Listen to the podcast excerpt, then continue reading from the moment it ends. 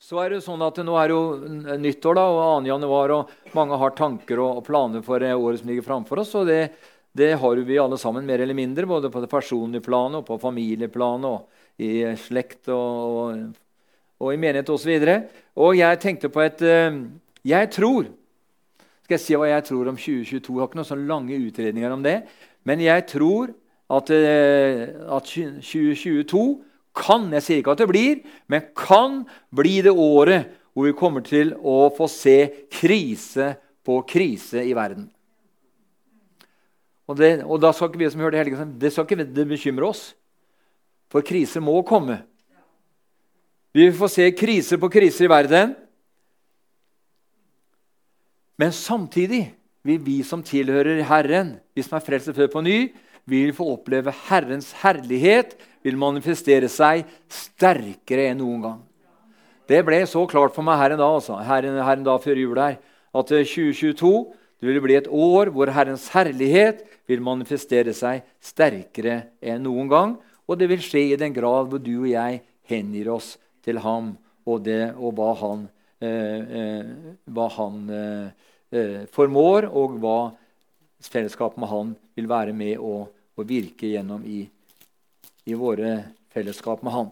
Jeg tenkte på et vers i Haggai, i profeten Haggai. Uh, Ulf Ekman uh, Ingjerd, der hun er i kveld? Nei. Nei.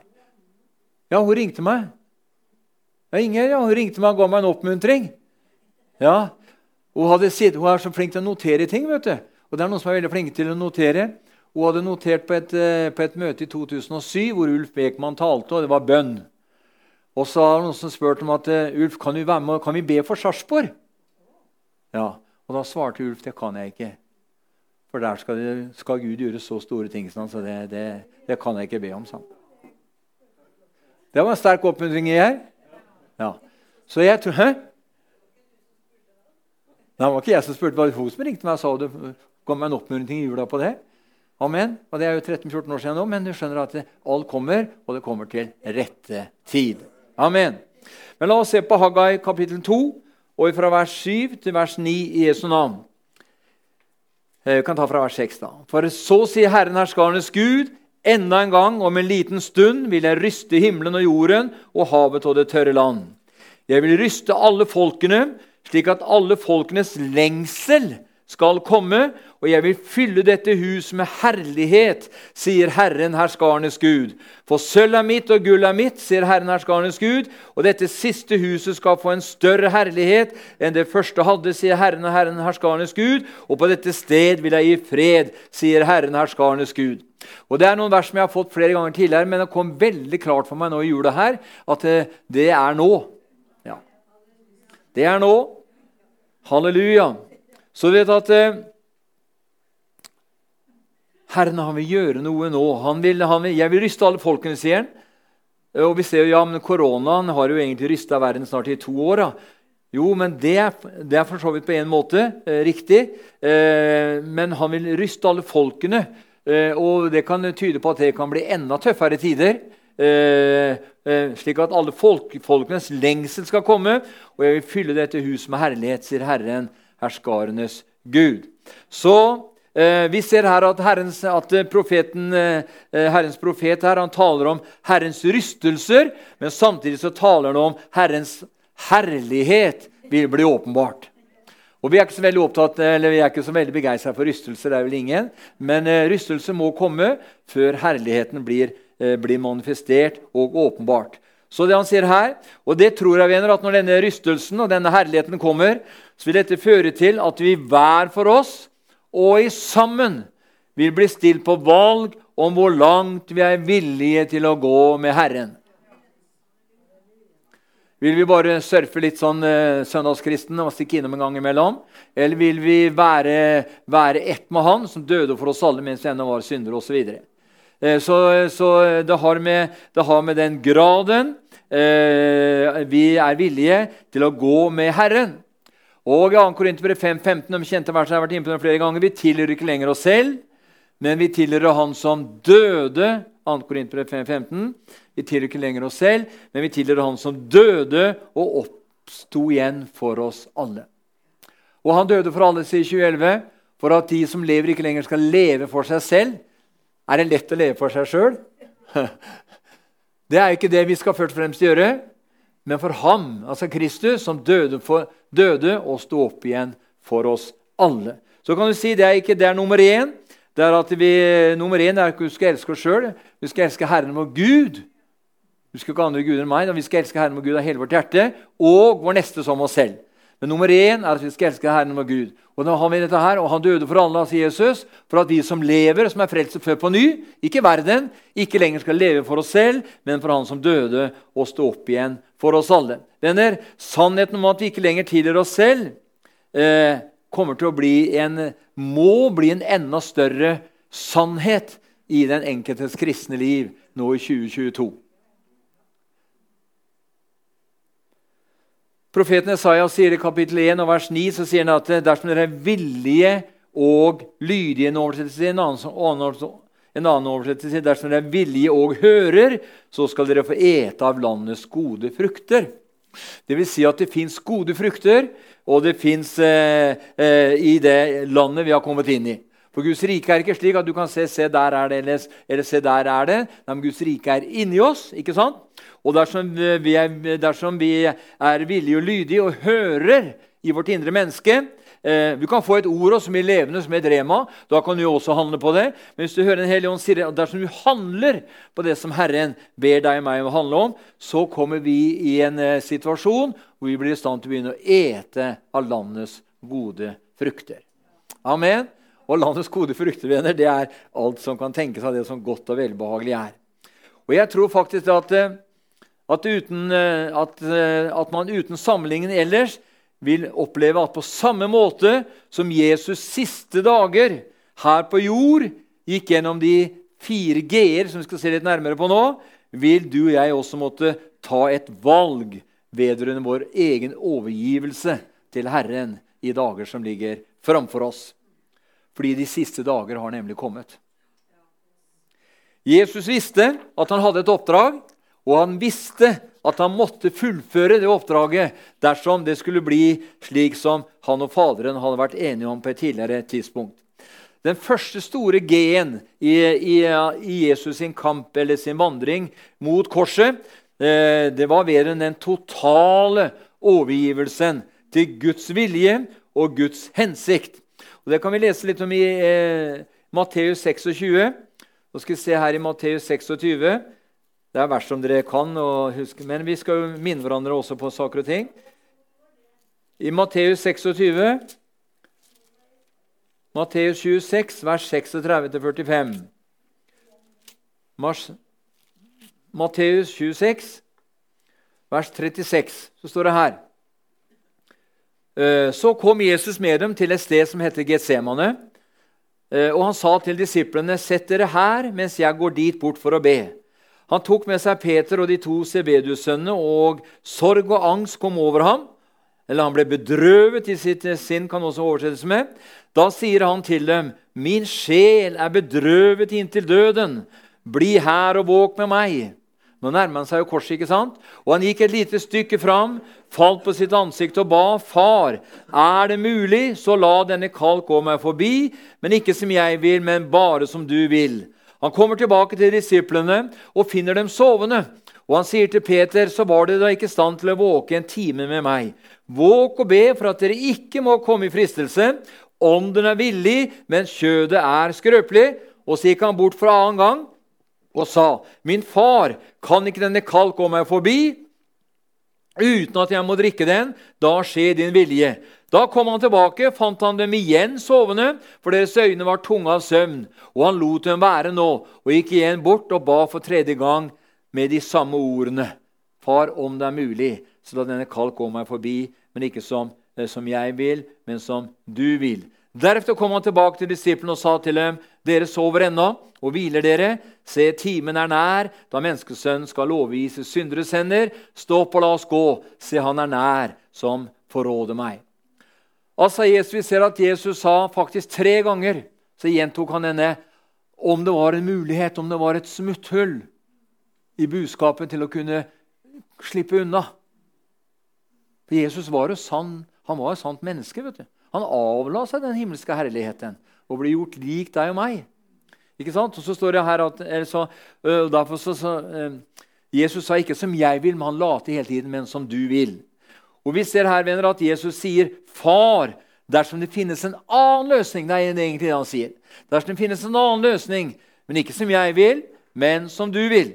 Og Deretter ser vi at han overgir sin vilje til Faderen, og engler kommer og tjener ham. Dette skjedde tre ganger samtidig som han ba sine disipler om å holde ut med ham i bønn. Men de sovnet alle sammen. Jesus måtte fullføre kampen alene. Og venner, det må du og jeg også. Jeg kan ikke henge meg på Pål eller Per eller Nils eller Johan altså. eller Kari eller uh, Grete. Jeg må fullføre mitt oppdrag aleine. Jesus måtte, det er et så krystallklart bilde på at Jesus måtte fullføre kampen alene. Men han sa jo noe klokt til disiplene. Han sa 'våk og be' for at de ikke skal komme i fristelse. Og Det forteller meg venner, at uh, bønnen det vil hjelpe oss til å, til å ikke, ikke, bare eh, bli fri fra fristelsene, men det vil hjelpe oss så vi ikke kommer ut i fristelser også. Så Derfor var den gamle bønnen 'Fader, Fader vår, led oss ikke inn i fristelse' den var jo feil. vet du. Gud leder vel ingen, inn i fristelse. Nå har vi endra no, altså, no, altså, noe på den, da. Men vi lar den ligge. Altså, vi ser her at uh, ser her at, uh, at uh, Jesus måtte fullføre kampen alene. Og som jeg sa, det må du og jeg også gjøre. Det neste skrittet, den neste G-en Det var den første her var Getsemane med stor G. Og den neste, neste G-en i Jesu vandring til døden på korset, det var dommersetet Gabata. Og Det ser vi, kan vi lese om Johannes 19. Eh, Johannes 19 eh, og i vers, eh, vers, 13 så ser vi det ordet der kommer fram. Eh, I eh, Johannes 19 og vers 13 så står det her Da når Pilatus hørte de ordene, førte han Jesus ut og satte seg på dommersetet på et sted som blir kalt steinlagt, på hebraisk Gabata. Vi ser her at uh, han, uh, Gabata betyr sted, set, dommersete. Og Vi ser her at Pilatus først forsøker å redde Jesus òg. Vi skal ikke gå inn på nå, men vi, vi, du kjenner beretningen. Han forsøker først å redde Jesus, men han overgir Jesus til slutt pga. frykt for ikke å tekke sine overordnede. Og du skjønner at du og jeg vi skal heller ikke tekkes noen overordnede, verken i, det, eh, i arbeidsliv, på jobben, sånn, men av saker og ting som har med Guds rike å gjøre. Men Pilatus han gjorde det. Da er du ikke keiserens venn, liksom, og da så han, så han karrierejaget sitt få en begrensning i oppdriften. Ikke sant? Så eh,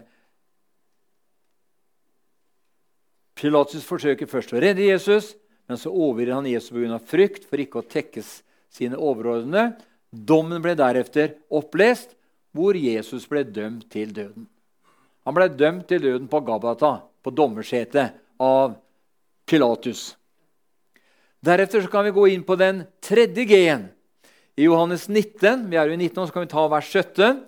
Så står det da førte det, de førte så Jesus bort. Han bar selv sitt kors og gikk ut til et sted som heter hovedskallestedet på hebraisk Golgata.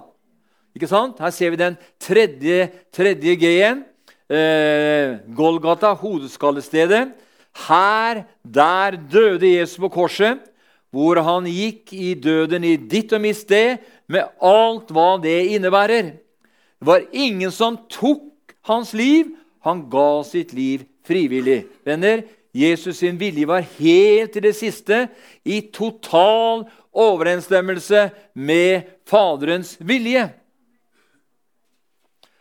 Og på samme måte som Jesus ga sitt liv frivillig, så må du også jeg gi våre liv frivillig til Han som frelste oss, og som døde for oss alle mens vi ennå var syndere. Og selvfølgelig eh, for deg og meg som er frelst og født på ny. Men så la oss, vi skal ikke, skal ikke prekes lenger i kveld. Vi skal gå til en, eh, til en, eh, til en fjerde G-en. Og Da er vi også i Johannes 19, og da går vi fram til vers 38 42.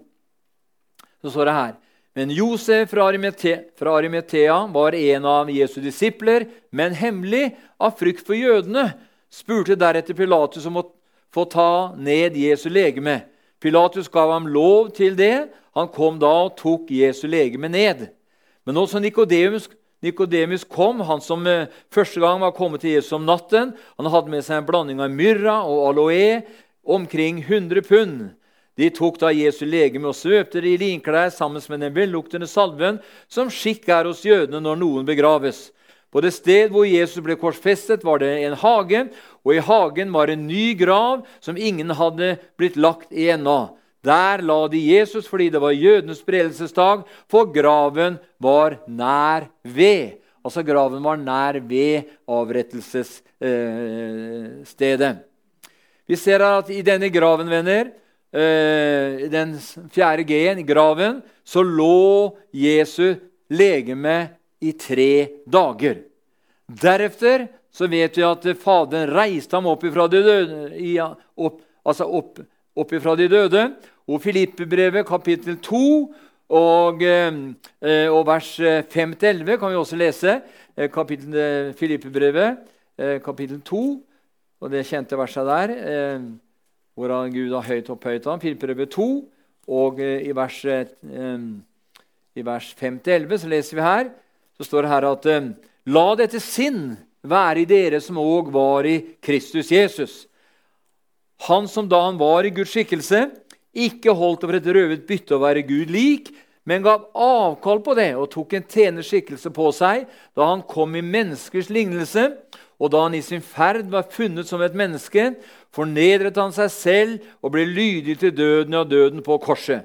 Derfor har og Gud høyt opphøyet ham og gitt ham det navn som er over alle andre navn, for at i Jesu Kristi navn skal etter hvert kne bøye seg, dere som er i himmelen og på jorden og under jorden. Og hver selve og hver tunge skal bekjenne at Jesus Kristus er Herren, til Guds Faders ære. Vi ser her venner, at fordi at Jesus fornedret seg selv For den som seg selv fornedrer, skal opphøyes. Jesus var den andre personen i, i altså guddommen. Han var, han var, hos sin far. Han ble, ble, ble menneske, lik deg og meg. Han fornedret seg selv. Og, og, mens han levde her, så fornedret han seg selv. Ja, til korsets død, står det. Derfor har Gud høyt opphøyet ham og gitt ham det navnet som er over alle andre navn. Og videre så eh, som jeg leste, ikke leste, men jeg refererte tidligere, i Filippebrevet 3.10, at de må få lære ham å kjenne kraften av hans oppstandelse og samfunnet med hans lidelser det ble gjort lik med ham i hans død, sier Paulus i Filippebrevet kapittel 3 og i vers 10. Nå tok vi sånn raskt gjennom disse, her, disse her fire punktene i Jesu avslutning før han ble spikra på korset og før han ble lagt i graven. Offre. Ja. Hva betyr dette? Hva betyr dette, kjære venner, det vi har sett på her nå? Jo, at vi hver for oss må gå igjennom vårt eget Getsemane. Ikke som jeg vil, men som du vil. Ikke min vilje, far, men din vilje. Og hva betyr det i praksis? Jo, det betyr akkurat som Jesus, som vi hver for oss. Det betyr at vi må overgi vår egen vilje til Herren. Og det er nemlig viljen Gud har. Han kommer aldri til å beslutte noe for oss. Han kommer aldri til å tvinge oss til noen ting igjen.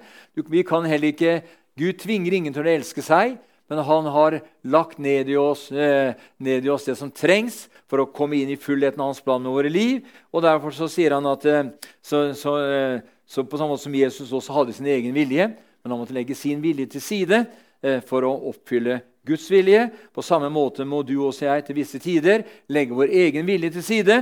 Eh, vi må overgi vår egen vilje for at, uh, hans, at vi kan bli eh, delaktig i hans vilje. Amen. Paulus sier i Galaterbrevet 2,20.: Jeg er korsfestet med Kristus. Jeg lever ikke lenger selv, men Kristus lever i meg. Og det livet jeg nå lever i kjødet, sier han, i legemet, det lever jeg i troen på Guds sønn, som elsket meg og ga seg selv for meg. Og dette, venner, bør egentlig være vårt alles mål i 2022.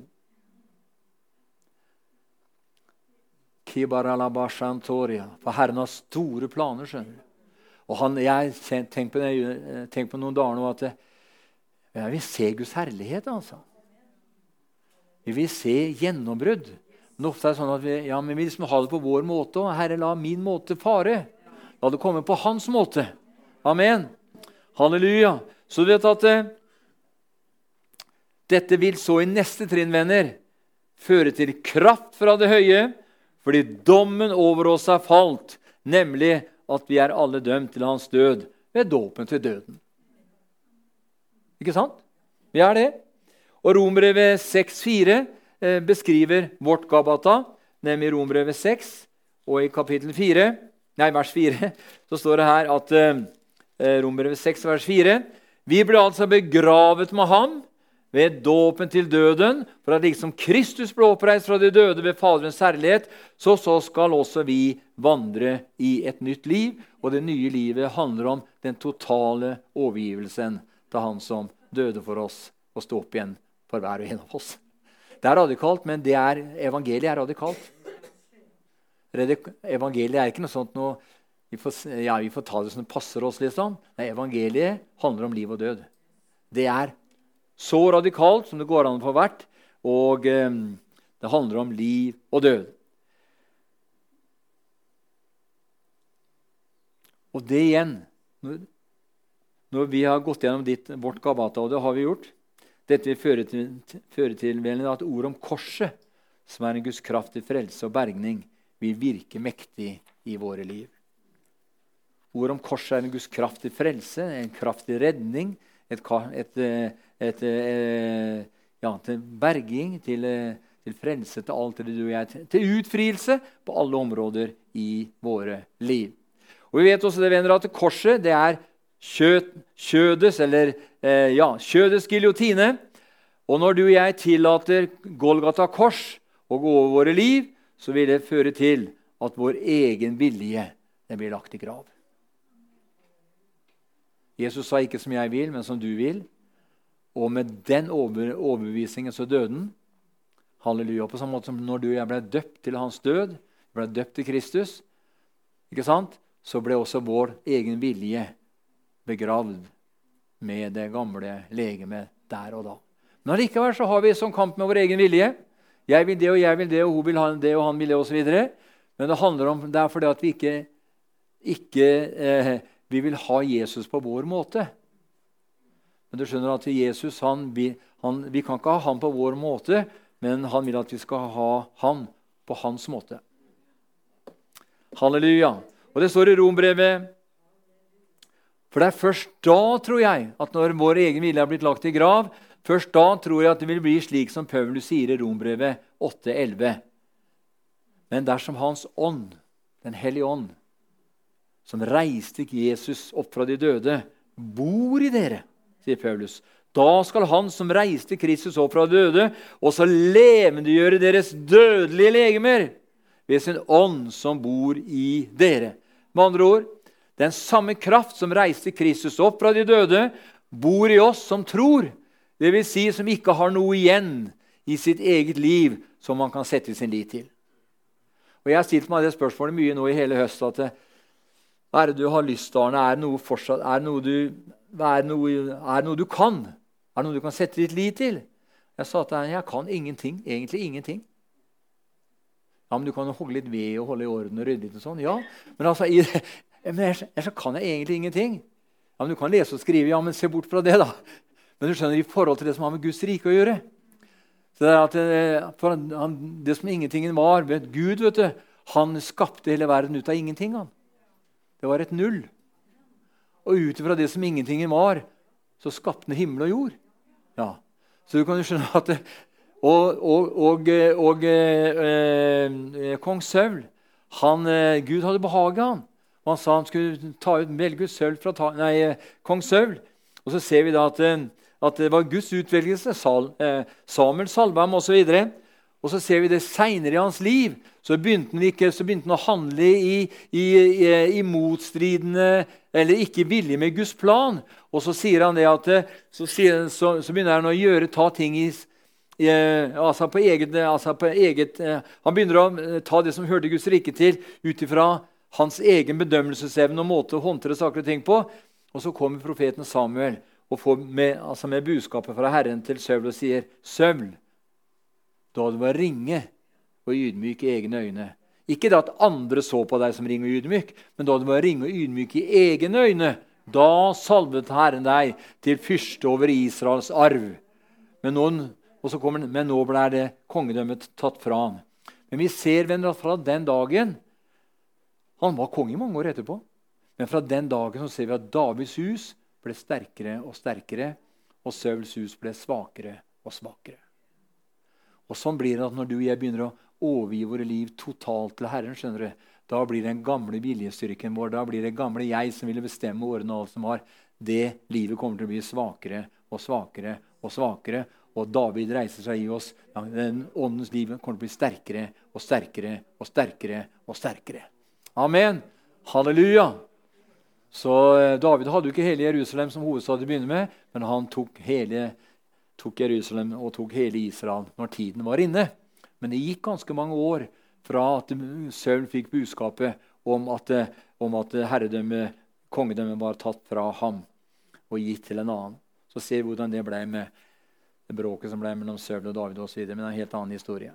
Venner,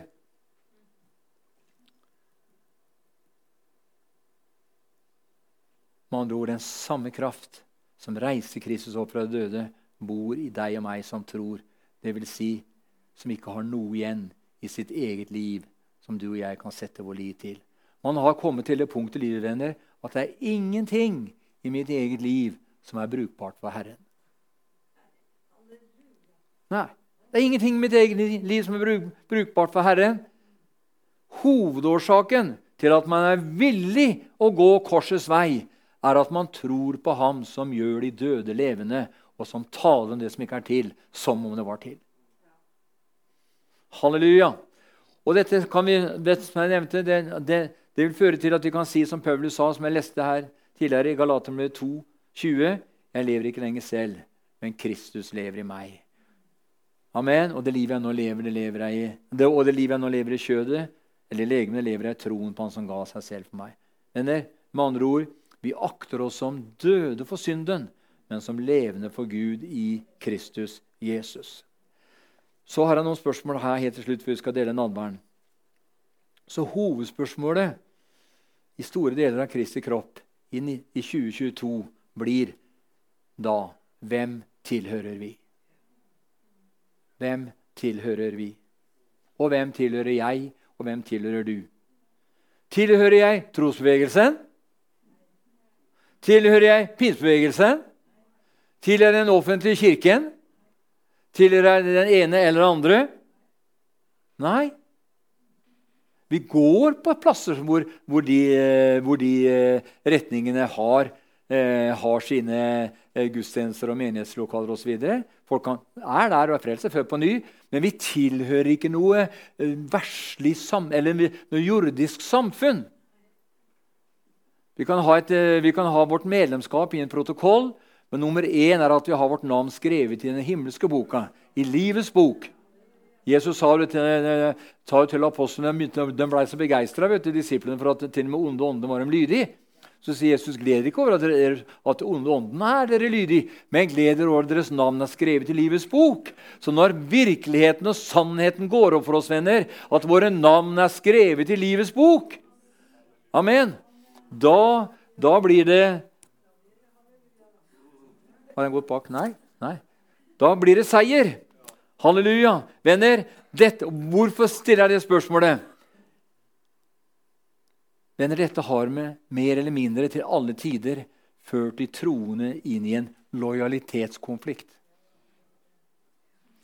Jeg vet om folk som tilhørte Frikirken, der, som ble herlig frelst og født på ny og døpt Den hellige ånd. Så kom dåpsspørsmålet opp. Så bestemte de seg for å døpe seg. Men de dro ut og dro ut og dro. Og til slutt så gikk, ble det borte, og så havna de tilbake i Frikirken. For der var lojaliteten. Der var jeg barnedøpt, og der har jeg hatt min barnetid i ungdomstida. så så, så langt. Så der, det er min lojalitet.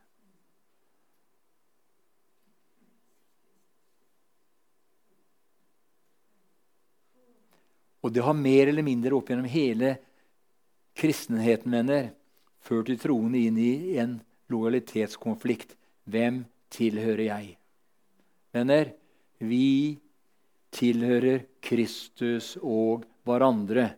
Og hvorfor er vi det? Hvorfor gjør vi det? Vi er jo Kristi legeme. Vi er lemme på det legeme som kalles Kristi legeme. Og da tilhører vi det legemet. Da tilhører vi Kristus. Og Paulus har et vers som ble veldig klart for meg for, for veldig mange år siden. 2. Korinterbrev 11. Så sier Paulus noe veldig, veldig kraftig her. Han sier her i 2. Korinterbrev 11, og vers 2 og 3. For jeg er nidkjær for dere med Guds nidkjærhet. Jeg har jo trolovet dere med én mann for å fremstille en ren jomfru for Kristus. Men jeg frykter for at liksom slangen dåret Eva med sin list, slik skal også deres tanke bli fordervet og vendt bort fra den enkle og rene troskapen mot Kristus. Altså Paulus sier her jeg er nidkjær for dere. Jeg har jo trolovet dere med en mann, med Kristus.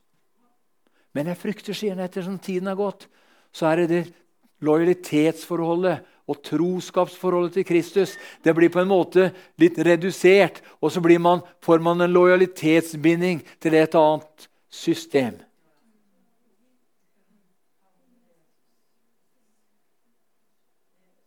Du ser ikke noen av uh, åpenbaringens uh, sendebrev uh, Det står ikke noe om det, der at skriv til baptistene i Rom og Eh, og eh, presbytanerne i, eh, i Efesus osv. Men står 'skriv til de kristne'. Og Det var i Antioka de ble først kalt kristne venner fordi at de begynte å etterligne han som de forkynte. Amen.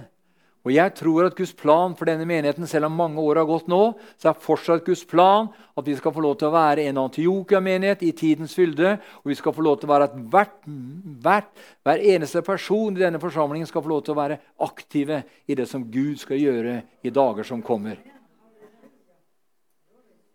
Ja, så kan noen si ja, men, mange, ja, men hvor lang tid skal det ta. da? Nei, vet ikke jeg, men jeg tror det er like rundt hjørnet. Halleluja. Jeg har trolovet dere med Kristus og bare med ham. Så hvor er din og min lojalitet? Din og min lojalitet skal være ja, nei, til Norge for Kristus. Menighet. Ja, vi går jo her, men lojaliteten både til deg og meg og oss som menighet, det må være til Kristus. Jeg vil ikke vite noe annet iblant dere, sier Paulus, enn Jesus Kristus og ham korsfestet. Amen.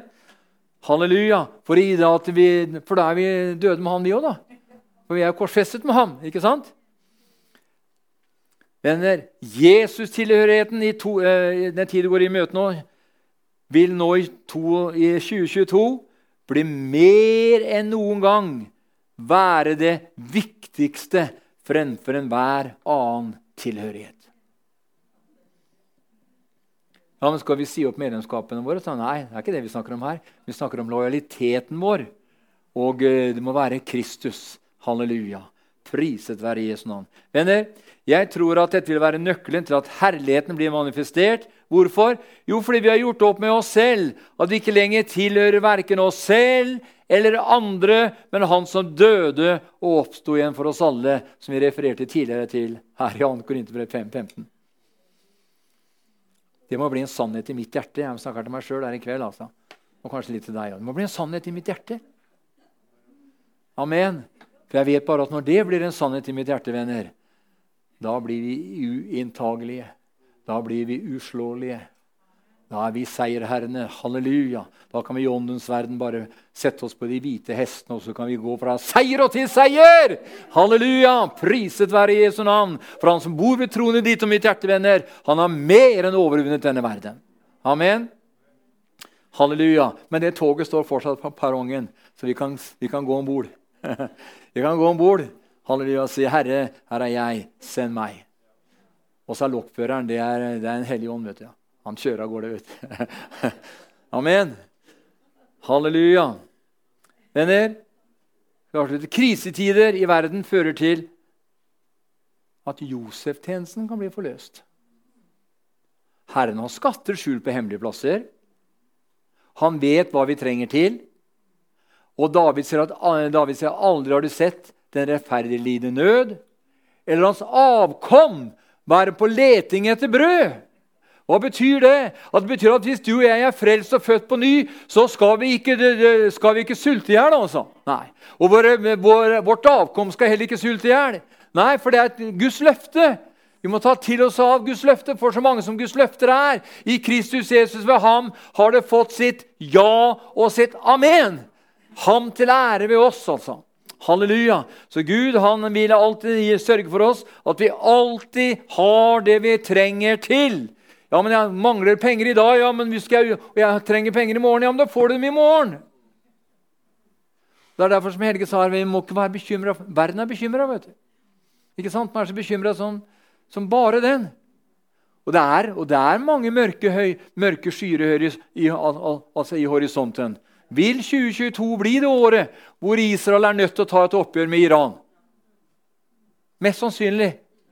Om kanskje ikke så lenge heller. Vil 2022 bli, et, bli det året hvor Kina etter 30 år sier at nå skal vi innta Taiwan?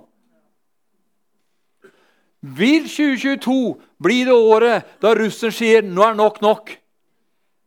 For Nato har på en eller annen måte trengt seg for langt inn på de russiske områdene. De kan jo ha hatt med seg både Baltikum, og Ukraina, og, og Romania og Bulgaria og disse, disse, disse tidligere østeuropeiske landene. Men de behøver vel ikke plassere ut angrepsvåpen der?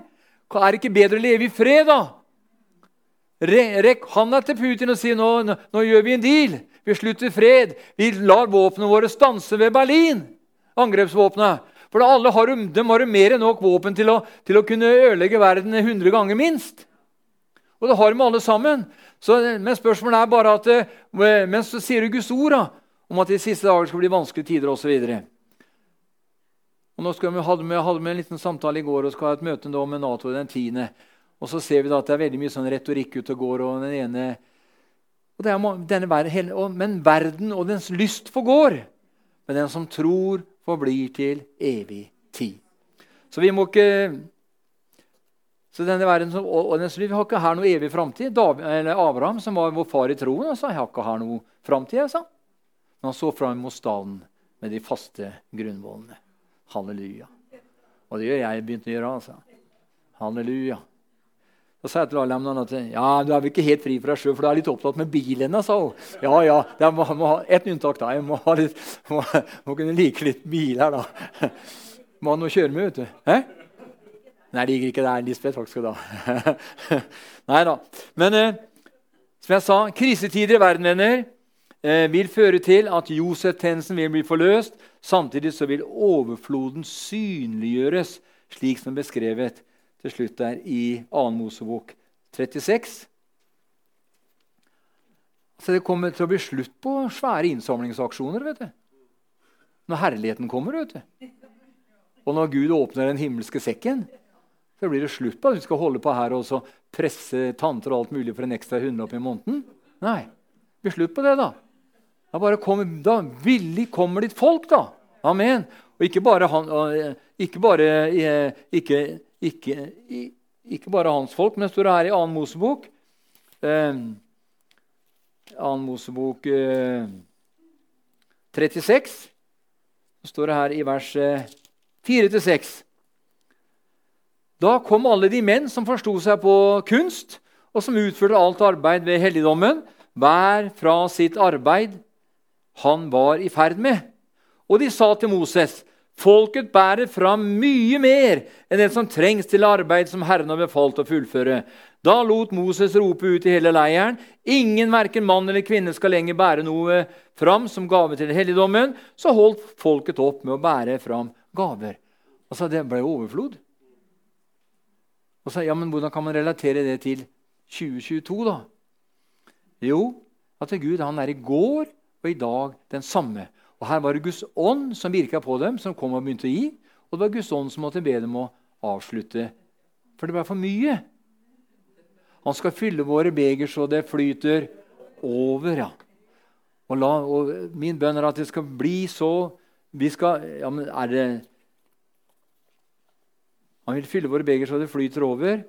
Og det er ikke bare som har med økonomi å gjøre, men det har med glede, og med frihet, og med kjærlighet, og med hjelpsomhet. De har med alt det som vi trenger til i vårt daglige liv. Det skal flyte over av det som godt og velbehagelig er. Halleluja. Priset være Herrens navn. Så mine to, eh, to tanker om, eh, eller ord om 2022 vi skal jo ha bønnemøte her på onsdag. Da skal vi be for, be for landet vårt, eller be for 2022. Så får vi se hva hva det, hva, eh, hvilket, eh, på hvilken måte det manifesterer seg. Men bønnen vil, være, vil særprege 2022, venner. Og at fellesskapet med hverandre vil blomstre. Det vil blomstre. Akkurat som Guds kjærlighet. Ja, men jeg mangler kjærlighet. Nei, vi, ingen av oss mangler kjærlighet. Og gjør vi ikke det? Nei, det står at Guds kjærlighet er utøst over et hjerte i Den hellige ånd som er hos sitt. Da. Så det det betyr egentlig, det er at du og jeg må begynne å fungere i det som allerede er oss gitt. Det har med din og min bestemmelse å gjøre, og det har med ditt og mitt, eh, eh, min tro og ditt og mitt forhold til Han som døde og oppsto igjen for oss alle, å gjøre.